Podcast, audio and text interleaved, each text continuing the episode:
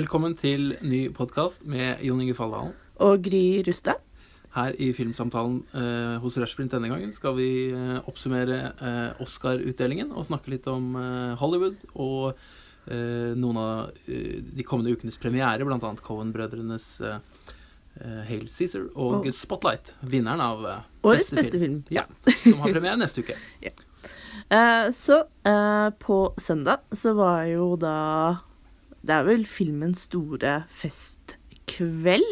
I hvert fall den amerikanske filmens. Ja. Absolutt. Og du satt oppe hele natten. Det gjorde ikke jeg. Nei, eh, det der er, er noe jeg har drevet med nå de siste ja, fem-seks årene, tror jeg. Jeg skjønner egentlig ikke helt hvorfor jeg gjør det. Jeg er alltid, det er alltid like slitsomt, spesielt på slutten. Ja. For det er, det er sånn to-tre om natten til sju om morgenen eller noe sånt. Ja, ja, jeg tror vi var ferdig litt over seks. Ja, og Eh. imponerende stykke arbeid av mange av kommentatorene som leverte kommentarer tidlig mandag morgen også, i norsk presse og ellers. Absolutt. Og ikke minst, jeg har alltid tenkt på de som sitter i studio. Og ja, altså når man ser det på skandinavisk TV, da, som sitter og kommenterer underveis. Jeg hadde blitt så trøtt. Jeg vet ikke helt om jeg hadde klart å gjøre det. Nei, Men nå ble det jo da ikke sendt på noen eh, norsk kanal. Nei, i- jeg så i på år. dansk TV. Ja. Men de hadde jo også to pri, altså filmer uh, som lå an til å vinne. Blant annet um, Ja. The Look of Silence, som også I fjor hadde vi jo ja. Tyldum, som var Mm. til eh, beste regissør. Så det forklarer vel det. Men ja uh, Siden jeg var oppe, så kan jeg, må jeg, jeg må jo si at det, det er kanskje et av de bedre eh, showene. Altså hvis man tenker på Oscar som en sånn telecast. Ja. Jeg, jeg har sett på lenge, og mye av det var jo rett og slett fordi vi var så heldige. Eller ja um, Oppi alt kontroversen da, uh, rundt Oscar i år, at Chris Rock da var verdt. Uh, fordi um, opp til eh, altså showet i år, så var det jo en kjempeskandale at det ikke var noen eh, fargede skuespillere som var nominert i noen av prisene. Mm. Eh, så, så, så det var jo litt sånn at man satte seg jo ned med litt sånn skrekkblandet fryd, hvor man lurte på hva Chris Rock eh, ville finne på. Men du har jo også sett åpningsmonologen, har du ikke det, Jon Inge? Absolutt. Den er jo veldig morsom, og han går jo rett i strupen på debatten og tar den, eh, tar den veldig fint eh, an, syns nå jeg, med å kalle det White People's Choice Awards og Of course, you're damn right. eh, Hollywood is racist, og det var sorority racist og a different kind of racist eh, sammenlignet med eh, hva skal jeg si, lynsjinger og, og den slags, som han også går inn på. Eh, og oppsummerer vel med at vi We want Mm. opportunity. Eh, som jeg syns var veldig fint. Det var en sånn Mm. alvorstynget avslutning av i hvert fall denne åpningsmonologen. Ja, Eh. og han spilte jo videre på dette temaet gjennom hele eh, seremonien også, som eh, fungerte ganske godt, syns jeg. Eh, blant annet som var egentlig veldig interessant, var jo Og dette hadde han jo gjort tidligere, forrige gang han var vert også, men han dro til en kino i Compton i LA, og så spurte han da eh, publikum der eh, hva som var deres favorittfilm til å vinne, og det var jo en utrolig morsom scene hvor hun ene var bare sånn «Eh, Er dette virkelige filmer? og så er han sånn Ja. «Eh, Er de sånne engelske, da, eller? Eh, som da viser også hvem Oscar-filmen kanskje er for. Eh, og hvor snevert dette kanskje har blitt, hvis man har lyst til å tenke på Oscar som en pris, altså en sånn stor og bred pris. Men, men det er jo ikke sikkert at det er det beste for filmen, og det kan vi jo diskutere litt senere. Altså hva man skal premiere, premiere og hvor man skal legge vekten eh, for hvem som skal få pris, om man da skal legge eh, eh, vekten på eh, disse store, brede filmene, eller om man, uh, som er, er blockbusterne, eller om man skal prøve i hvert fall å premiere det man tenker på som kanskje mer filmkunst, da. Jeg tenker for min del at jeg syns den ofte faller egentlig mellom to stoler. Den premierer verken de aller beste filmene kunstnerisk, eller de som har solgt mest. Eh, Star Wars eh, var jo da f.eks. ikke nominert noe særlig, eh, og vant vel fint lite. Mm. Eh, og det er et sånt berømt Ja. klipp fra Steven Spielberg da han ikke ble nominert for 'Haisommer' Ja. fra 1975. eh, hvor han sier at 'nobody loves a, win a winner'. Eh, og så hvis du, hvis du gjør det for bra, så, så liker ikke Oscar-komiteen deg. Eh, den av blockbusterne som vel fikk mest priser, er vel egentlig Mad Max. Eh, Ja, absolutt. Så eh, noe gis det til den. Men det er gjerne de tekniske prisene, som også for så vidt var veldig velfortjent, vil jeg si. mm. Men ja, disse blockbusterne, og spesielt sjangerfilmene, blir jo gjerne avspist med de tekniske prisene. Det er jo ganske gjennomgående hvert år. Mm. Um, Så frem til ikke er kanskje en sånn Tatt av vinden eller Titanic, Sound of Music, de aller, aller, aller største ja. uh, gjennom tidene. Det, Ja. Da kan man gjøre et sånt uh, ras av priser, og kanskje også raske med seg en, en beste film. Uh, Absolutt. Ja, 'Ringenes herre' er vel en av de få jeg kommer på nå som har fått beste film som passer inn i denne litt mer sånn blockbuster, sjanger em, kategorien. men hvis vi skal se litt på de ulike eh, prisene, diskusjonen frem mot eh, de nominasjonene, hvem, hvem det var som fikk dem. eh, hva tenker du om eh, Hadde du noen spådommer på forhånd? Var det, var det sånn at det ble omtrent som du trodde, eller var det mye eh, overraskelser? Ja, altså dette er jo noe av det som gjør det gøy, da. Eh, det er jo, mange vil jo si at man reduserer eh, filmen til en slags konkurranse, men det å stemme på eh, filmene er jo det som faktisk holder deg litt våken, og se om du klarer Hvor mange vinnere du klarer å gjette. Ja. Noe som alltid er utrolig sånn random i en del kategorier hvor du ikke har sett sånn documentary short og sånn. Ja, tør du si hvordan det gikk, da? Ja, jeg klarte vel 17 av 24. Oi, Det er ikke så verst. det hørtes veldig bra ut. Eh, Jeg har jo vært oppe på sånn 22 av 24. Det okay, var jo så det var et, et sånn middels år for deg. Ja, det, det var vel i fjor, men da gikk alt inn, tror jeg. Det var et veldig forutsigbart og kjedelig år. Og jeg må jo si at jeg foretrekker jo kanskje sånn det var i år, hvor det faktisk var noen eh, vinnere som var litt overraskende. Eh, og det, da blir det mye morsommere å se på, faktisk. Mm. For de mest åpenbare var vel den veldig forhåndsannonserte til eh, Leonardo DiCaprio, som han fikk. Ja, Eh, den gikk veldig oppskriftsmessig. Den regner jeg med du hadde tippet. Og ja. Han får denne for The Revenant, som ikke yeah. du, du er så veldig begeistret for. Uh, hva, hva tenker du er skal jeg si, svakhetene ved den filmen? Altså, jeg syns det er to og en halv time med Altså, utrolig vakkert filmet, og film, eh, prisen den fikk for beste fotografi, er jo selvsagt velfortjent. Eh, men ellers så vil jeg si at det var to og en halv time med sånn lidelsesporno, og Leonardo DiCaprio som bare går rundt og grynter, og så er det vel et eller annet slags form for hevnnarrativ der, men det er jo ikke noe utvikling av karakter, og jeg tror den eneste karakteren jeg bryr meg om, er en sånn indianer som kommer inn i midten av filmen, eh, og som forsvinner igjen med en gang, selvsagt. Fordi det er jo også gjennomgående Jeg, er jo da ikke spesielt glad i Iniratu som regissør i det hele tatt, må jeg innrømme. Altså, jeg syns jo han er en veldig sånn sadistisk filmskaper. Altså, Babel er vel kanskje noe av det verste jeg har sett. For å være helt hva ærlig. skyldes det? Altså, men Babel er jo også ganske lettere rasistisk, vil jeg si. Men, uh, men det er et eller annet sånn der med at det, det alltid går dårlig. Han må ha et utrolig mørkt verdenssyn, tenker jeg, når jeg ser filmene hans. Og så vil han vel også ikke seeren vel. Ikke det at filmskapere må det, men, uh, men ja, nei, Revenant for meg, for meg var rett og slett en sånn bro cinema-stykke. Men han vant jo i fjor, da, Inaritu, for uh, Birdman. Hva, Ja. hva tenker du om den, da?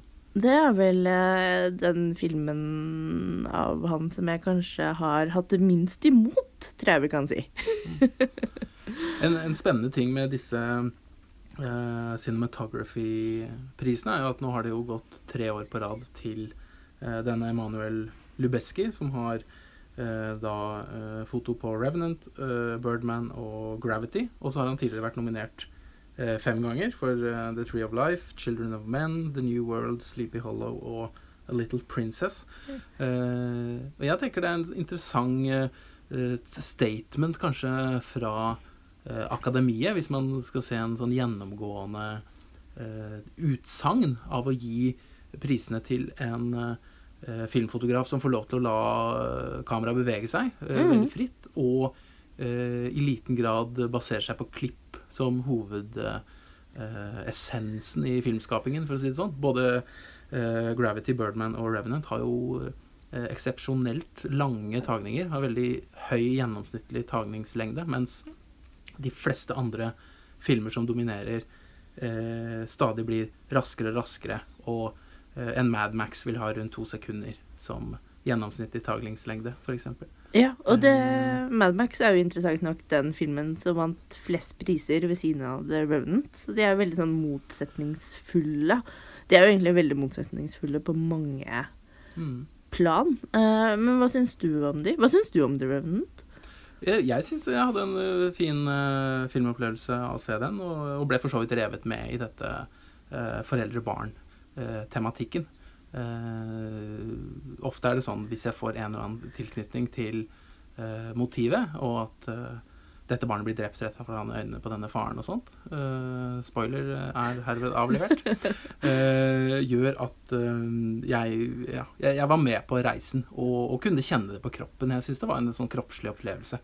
Og jeg er for så vidt enig i den sadismen du kanskje ser hos Inarutu, men eh, da er jeg kanskje en masochist, jeg, da, som eh, Ja. vil, vil ha den eh, påkjenningen innimellom. Eh, men, Ja. ja. men apropos den kroppslige opplevelsen. Jeg fikk jo den faktisk sterkere av filmen som ble kåret til årets beste film, nemlig 'Spotlight'. Ja.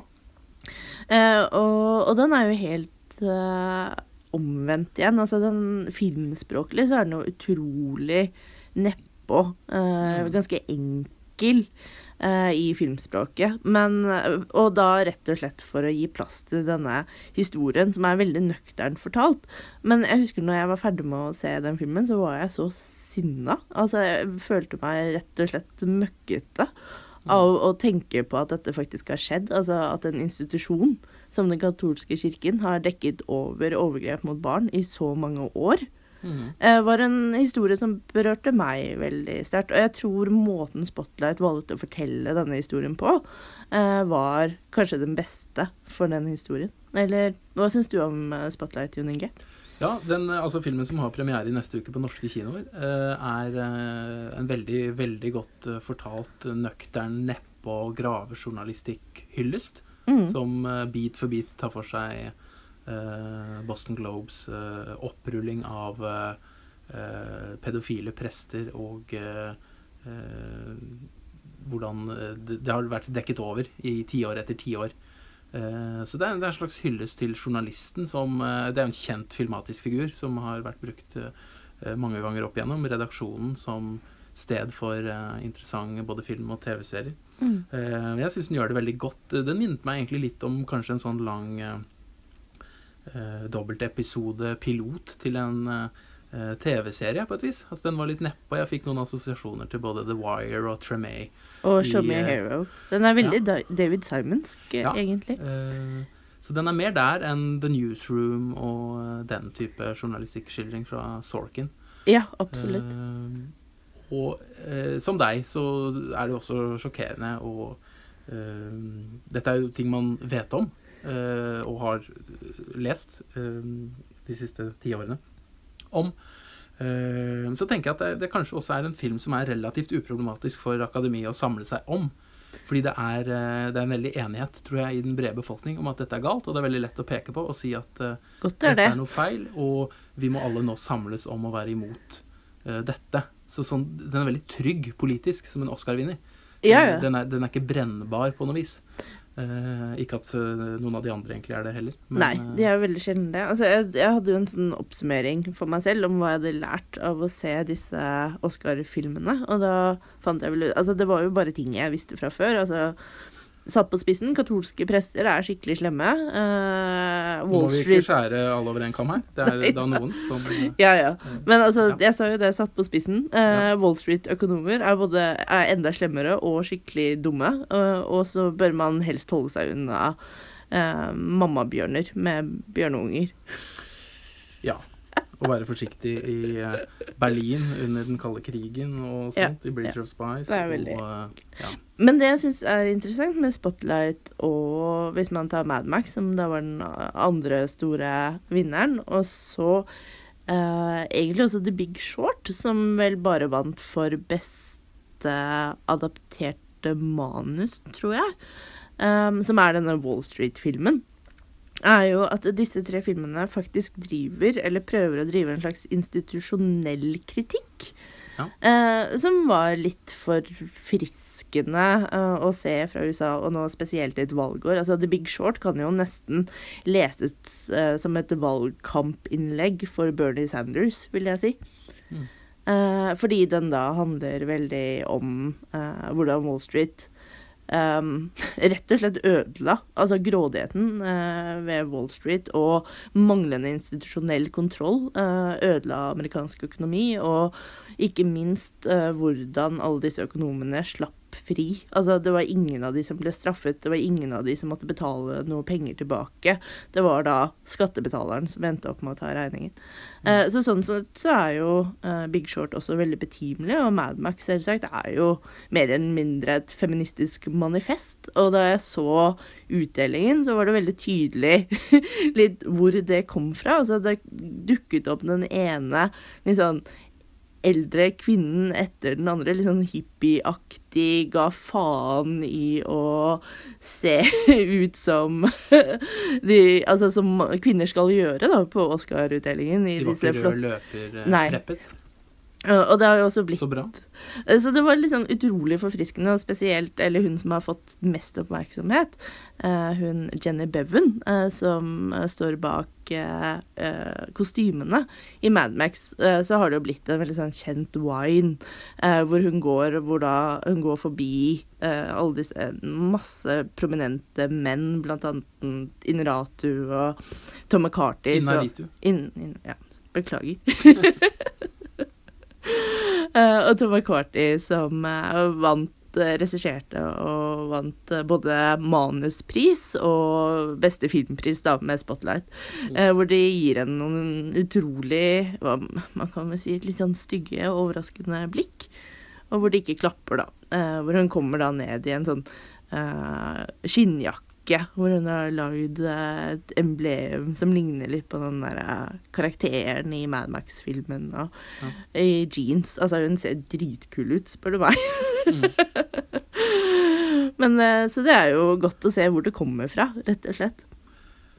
Så eh, det du sier er at kanskje større institusjonelle ting eh, hva gjelder finanskrise, feminisme, blir adressert i disse filmene. Religion. Ja. Men, religion, men ikke da uh, Chris Rock-eksempelet med altså den, den svarte Nei. opplevelsen, de svarte skuespillerne.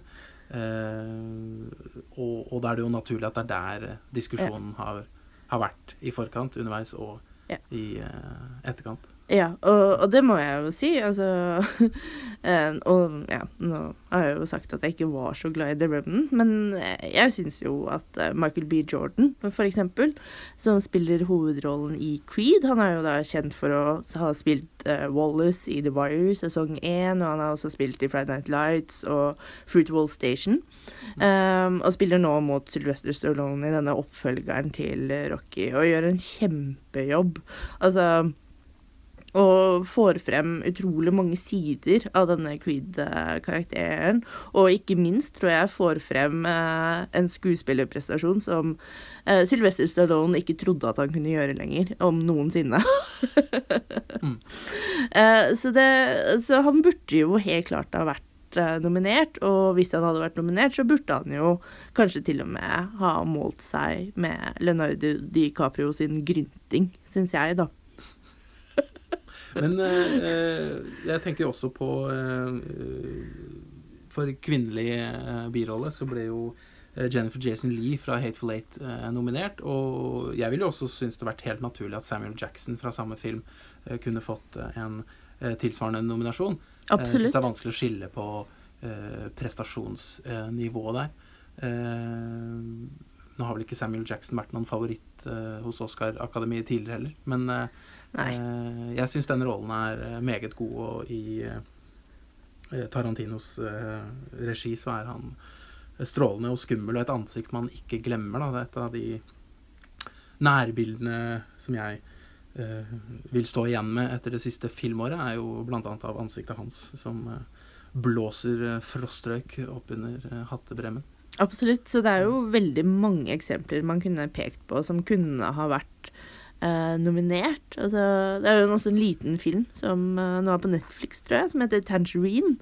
eh, som er en utrolig interessant og nyskapende film. Altså, det, og da kommer vi tilbake til hva slags filmer Akademiet nominerer. Og, og denne er jo helt klart for smal og for rar for Akademiet. Eh, men den handler jo om to eh, fargede eh, transvestittprostituerte som går rundt i LA, og hele filmen er skutt på en iPhone og Ja. ser helt fantastisk ut. og filmen i seg selv er både morsom og rørende og interessant. Det tar nok litt tid før en iPhone-filmet film eh, blir eh, nominert til Om eh, Best Picture. transvestittprostituerte. Ja, Ja. det tror jeg kanskje jeg også. Jeg vil, vil tro det.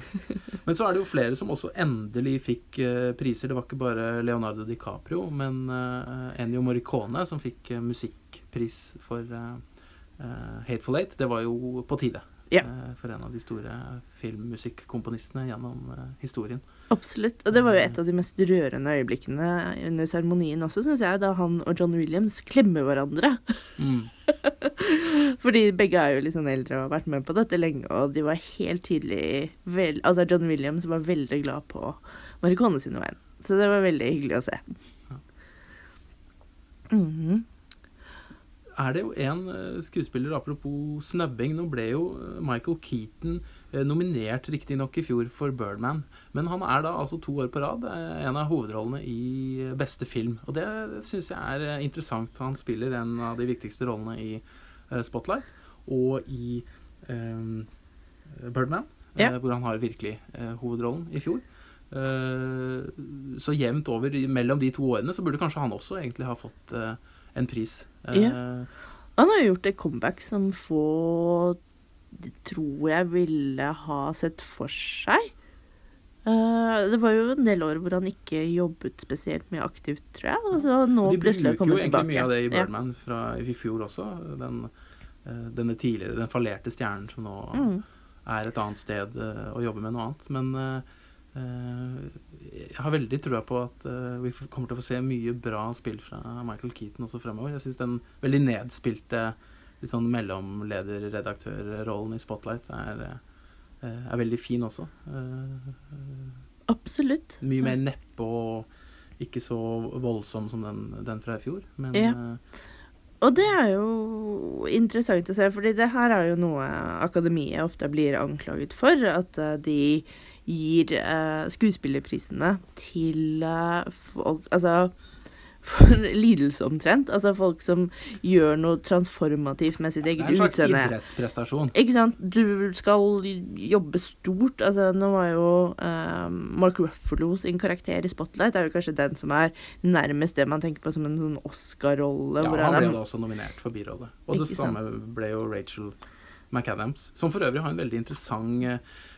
kvinnelig journalist som får lov til å bare være profesjonell, og Ja. ikke har noen eh, love story, ikke Nei. noe problematisk ved seg. Jeg har en masterstudent som skriver en oppgave om eh, representasjon av journalistiske kvinner er eh, på, i film og TV-serier. ja. I Newsroom kan man finne mye problematisk, og det fins i Absence of Malice og The China Syndrome osv. opp gjennom historien. Og så ofte så er de uh, female first, og så er de eh, journalist second, og suspect always, er det en kritiker som har sagt. Ja. At det er eh, eh, men, men denne rollen er 100 uh, superprofesjonell Mhm. gravejournalist.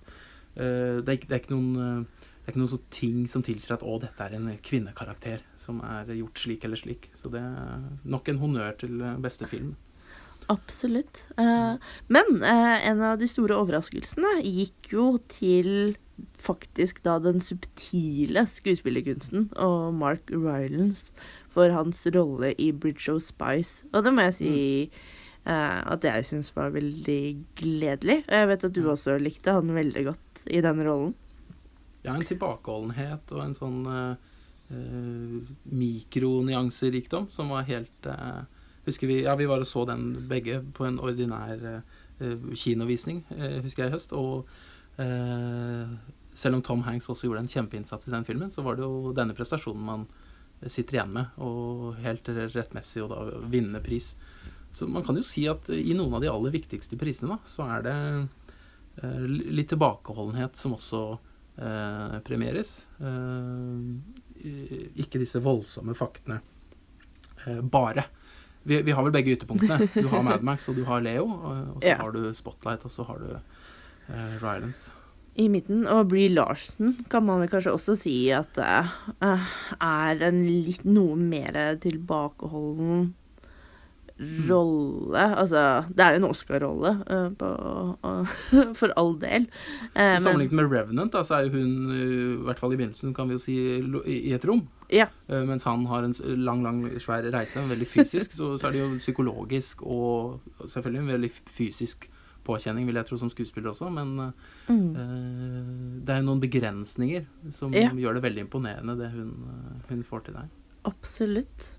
Men Jon Inge, uh, nå som vi har snakket om prisen og litt om utdelingen, hva betyr egentlig Oscar-prisen for uh, filmene som vinner, og eventuelt filmene som ikke vinner eller ikke blir nominert? Hvorfor er dette viktig? Hvorfor snakker vi om det nå? Ja, si det. Jeg, syns ikke det er lett å svare på et sånt uh, stort spørsmål, egentlig. Sånn økonomisk så vil det jo bety for de filmene som fortsatt skal opp, eller ennå ikke er satt opp på kino rundt omkring i verden, at de får en ekstra boost. Sånn at flere kommer nå til å gå og se Spotlight, helt åpenbart, i Norge, Mm. enn om den ikke hadde vunnet Oscar for beste film. Uh, men i USA så er det vel mange som har allerede gått seg tomme. Uh, alle. Så Eh, Det vil være for ettermælet, og selvfølgelig for alle karrierene til eh, disse menneskene som er involvert. Eh, Leonardo DiCaprio eh, Det var vel en kritiker som før eh, utdelingen håpet at han ikke kom til å få pris for beste eh, skuespiller, for da kom han til å slutte å spille i kvalitetsfilmer for å prøve å få Oscar eh, for beste mannlige hovedrolle. Og nå når han ikke trenger det lenger, når han har det på CV-en, så eh, nå tror jeg ikke det vil skje, men da Nei. kan man jo tenke seg, og det har skjedd tidligere med skuespillere, at de har da valgt å spille i eh, veldig innbringende store franchise-filmer og tjene masse, masse penger, eh, og ikke satse på eh, kvalitet Ja. eh, lenger. Så vi får håpe det ikke skjer med Leo. Og så har man jo den andre siden. Eh, heldigvis så har man jo disse litt mindre prisene. eh, sånn for eksempel eh, documentary short, short film. og Louis C.K. delte faktisk ut prisen for documentary short, og dette var faktisk poenget hans. At dette er jo faktisk den viktigste prisen her for de som vinner og er nominert. Eh, fordi de som lager documentary short, kommer aldri til å bli millionærer som bor i Hollywood eh, Hills eller Venice Beach. Men de kommer Nei. til å vinne prisen og kjøre igjen hjem i sin Honda Civic, som han sa. Mm. En uh, kortfilmskaper selv også, Louis C.K., som jo sant? begynte uh, mer som sånn kunstfilm-kortfilmskaper. Eh, Så, så, så det er jo noen av disse prisene som kanskje betyr mer da, for uh, den som vinner, enn kanskje noen av de andre. Så kan det jo klart det kan bli en byrde hvis man er for ung og får prisene for tidlig og sånt. At det blir noe man må alltid leve med og være en forhenværende og stadig lenger tid siden man var en forhenværende uh, Oscar-vinner. Uh, særlig for skuespillere. Mm. Men, men det er klart, klart denne prisen betyr, betyr mye. Og nå Mm. virker det som den er mer eh, relevant enn tidligere, siden den skaper debatt eh, og eh, på sett og vis eh, møter den eh, debatten litt til og med under showet. Og, eh, og kanskje man vil se en interessant nominasjonsliste allerede neste år, som er, gir en bedre representasjon av eh, det mangfoldet eh, både amerikansk film og verdensfilmen er. Det er jo ofte i eh, Selv om de eh, ofte har veldig mange eh, merkelige eh, valg hva gjelder beste utenlandskspråklige film, eh, så synes de nå å ha eh, falt ned på et veldig godt valg. Nå har ikke jeg sett Sauls sønn ennå, men eh, eh, ut fra all omtale eh, jeg har hørt om den, så tror jeg det var et eh, godt valg. Eh, og igjen så er det jo eh, en type film som akademiet ofte er eh, glad i. Krigstematikk. Holocaust har ofte Ja. eh, gitt mange nominasjoner og Mm. eh, priser uh, opp igjennom. Ja. Eh, igjen en type, hvis vi skal gå tilbake til det med problematisk tematikk, hva er det som er politisk eh, enkelt å forholde seg til Ja. i dag? Eh, annen verdenskrig, Hitler, holocaust. Veldig lett å eh, si eh, tommel ned. Ja. Eh, det samme med eh, pedofili. Eh, ja. tommel. Eh, og så er det mye vanskeligere med disse andre ismene. Sexisme, feminisme, hvor det er steile fronter i verden. Og det er egentlig ikke så underlig at Hollywood som en del av verden også gjenspeiler den, den store diskusjonen som vi alle lever med hver dag nå. Absolutt. Um, nei, det jeg, også tror at De har jo også uh, forandret uh, stemmereglene sånn at det er flere unge mennesker. Altså at det skal være mer eh, mangfold i stemmegivningen. Nå har de åpnet opp for. Så vi kan jo håpe at det vil føre til noen endringer etter hvert. Fordi problemet med prisen veldig lenge nå har jo vært at det er eh, antageligvis veldig mange eldre og pensjonerte eh, som stemmer eh, på disse filmene. Eh, fordi det er jo de som faktisk har tid til å se alle filmene. ja, og alle tidligere vinnerne, ikke sant. Det blir jo en stadig eldrende eh, befolkning. Eh, og, og de vil jo naturligvis ha et mange av dem et tradisjonelt eh, filmsyn. Ja. Veldig mange eldre hvite menn er det vel man sier har vært stemmegiverne i akademiet eh, tidligere. mm. Og det ser man jo kanskje også, at disse nominasjonene og filmene som vinner, uh, bærer preg av, altså deres smak. Så det blir spennende å se hva som uh, skjer fremover. Om det kommer til å åpnes opp litt. Og, men kanskje viktigere enn Oscar er jo at det som Chris Rock også var inne på, at det gis andre skuespillere uh, altså en sjanse. Altså de får muligheten til å være med å konkurrere. Er jo egentlig det store eh, problemet her. Altså Jeg så det var noen som tvitret, jeg har ikke dobbeltsjekket om det er sant, men som mente at det var flere hvite skuespillerinner som hadde vunnet en beste skuespillerpris, altså en Oscar for beste skuespillerinne. Som var hvite, som spilte asiatiske kvinner, enn asiatiske skuespillerkvinner som hadde vunnet en Oscar. Det vil jeg tro eh, høres helt riktig ut.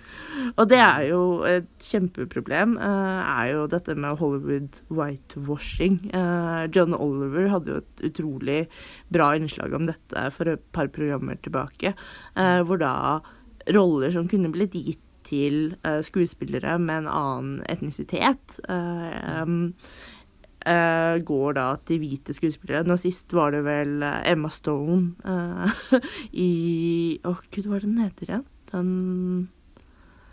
Blue Hawaii? Nei. Nå, Nei, nå husker jeg ikke. Nei, jeg er ikke helt med deg. Eh, Men ja, eh, hvor dette var et eh, problem. Eh, typisk eh, dette whitewashing. Mm. Og det har jo vært dokumentert også en veldig stor eh, manglende andel eh, kvinner i eh, alle mulige produksjonsledd i, eh, på lerretet i talende roller. Jeg tror det siste tallet jeg har sett, var eh, 30 eh, som snakker i amerikansk film, hvis man har sett Mm. på de 700 siste store. Ja. Eh, mens det sitter jo 50-50 i kinosalen, fordi kvinner utgjør halvparten av eh, tilskueren. Så det er, det, er, det er ingen gode grunner eh, i det hele tatt. Eh, og det er ingen eh, tabber her og der. Det er en strukturell eh, endring som må til eh, for, å, for å bedre akkurat det forholdet. Mm. Så eh, der er det nok en lang vei å gå. Så det kan godt hende vi har noen av de samme samtalene om et år. Eh, men det, finnes jo en Hollywood-farsekomedie som vi nevnte på begynnelsen av denne podkasten, som har premiere denne uken, som har nettopp eh, en gullalder-tematikk, som er Hale Cæsar, Cohen-brødrene, som eh, eh, tar for seg studioepokens eh, fall. Hvor eh, George Clooney ser jo ut som en sånn tidløs eh, eh, filmstjerne. Og det er en blanding Det er jo en komedie, men det er en blanding av mange klassiske filmsjangere. Vi har litt musikal, vi har litt cowboyfilm, vi har litt melodrama. Eh, veldig fint dansenummer med Channing eh, Tatum, blant annet. eh, og generelt en veldig morsom film som viser frem mye av Drømmefabrikkens bakom Hva skal vi si Diskusjoner og, debatter og ja, det er, det er på en måte en bagatell fra Cohen-brødrene, men de lager veldig veldig gode bagateller som fikk meg tidvis til å gråte av latter.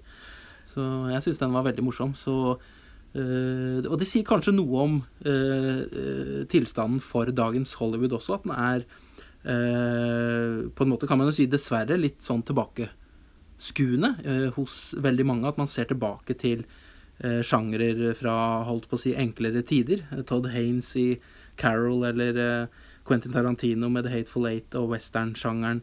Uh, Bridge of Spies, også Cohen-brødrene skrevet, uh, og også denne filmen. Så det, det, virker som det er en hang, en slags romantikk tilbake til de siste krampetrekningene fra det store Hollywood-studio-epoken.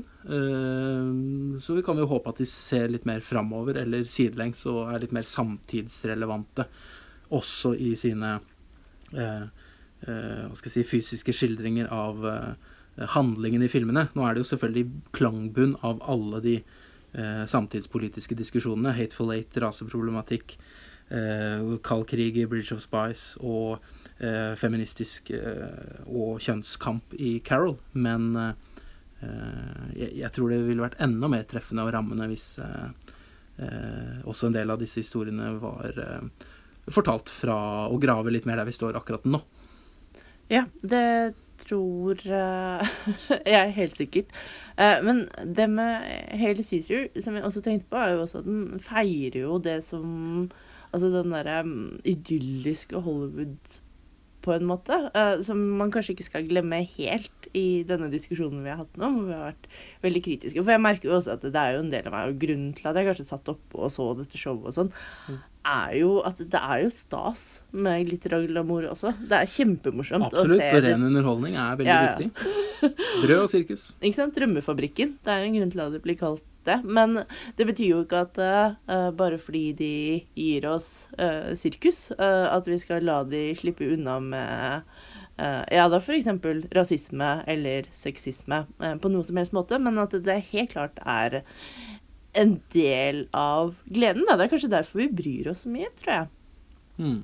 For vi vil jo gjerne at denne drømmefabrikken vår, som gir oss så mye glede og glamour og underholdning, eh, også skal uh, følge noen uh, verdier og kanskje si oss noe relevant om livene vi lever i dag. Ja. Vi vil vel ha uh, smågodt og potetgull og popkorn og cola, og så vil vi også ha brokkoli og indrefilet eller et godt fiskestykke. Og, ja. Gåselever eller hva nå enn.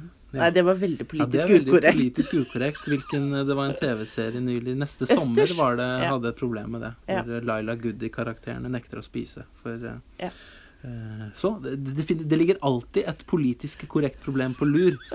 Og det er ikke så vanskelig å plumpe uti. Og det kommer sikkert Oscar uh, til å gjøre fremover også. så hvis vi oppsummeringsmessig skal Eh, kanskje kunne si at vi har snakket om noen av ytterpunktene i de estetiske uttrykkene. Du har de eh, raskt eh, klippete mastodontfilmene, Mad Max, eh, på den ene siden. Eh, og så har du også de eh, voldelige tilsvarende, men mer langsomt klipperytme som kjennetegnes av denne tre ganger nå fotografvinneren Lubeski i The Revenant. Uh, og så har du en annen type langsomhet i Spotlight, mm. som vinner. En mer sånn tradisjonell uh, amerikansk uh, klassisk Hollywood-fortelling blandet med litt nyere TV-serieestetikk, kanskje. Absolutt. så har vi ytterpunktene i skuespillerprestasjoner. Mm. Lukket i et rom, gjør store fysiske og psykologiske prestasjoner ut fra det, eller å være på flukt gjennom skog og snø og opp i trærne og grynte og bli eh, bestialsk behandlet av en bjørn osv. Eller eh, bare være Mark Rylance. Uh, fantastisk skuespiller. Uh, han er jo for så vidt kjent fra teaterscenen, som egentlig er litt når jeg tenker over det nå, ikke for å begynne på en veldig lang digresjon. Men det at han er teaterskuespiller, er jo også veldig interessant med det at han klarer å være så subtil. Altså teaterskuespill tenker man jo på som kanskje litt sånn klarere og tøffere fordi du skal nå langt ut i salen. Uh, men han nailer jo disse nærbildene og den derre mikromimikken. Absolutt. Neste gang, Gry, Ja. Eh, Da, eh, det blir om et par uker, Ja. eh, kommer vi til å lage en podkast om en av de mest interessante norske dramaproduksjonene noensinne. For eh, nettet, først og fremst. Skam. Ja. Mye omtalt. Eh, ikke så mye analysert ennå, og det skal vi prøve å gjøre. Ja, det Og- kommer masse. Det kommer til å komme nå hver dag fremover, og eh, påskeepisoden skal visstnok være veldig spennende, så eh, vi gleder oss. Til da, ha det godt. Ha det bra.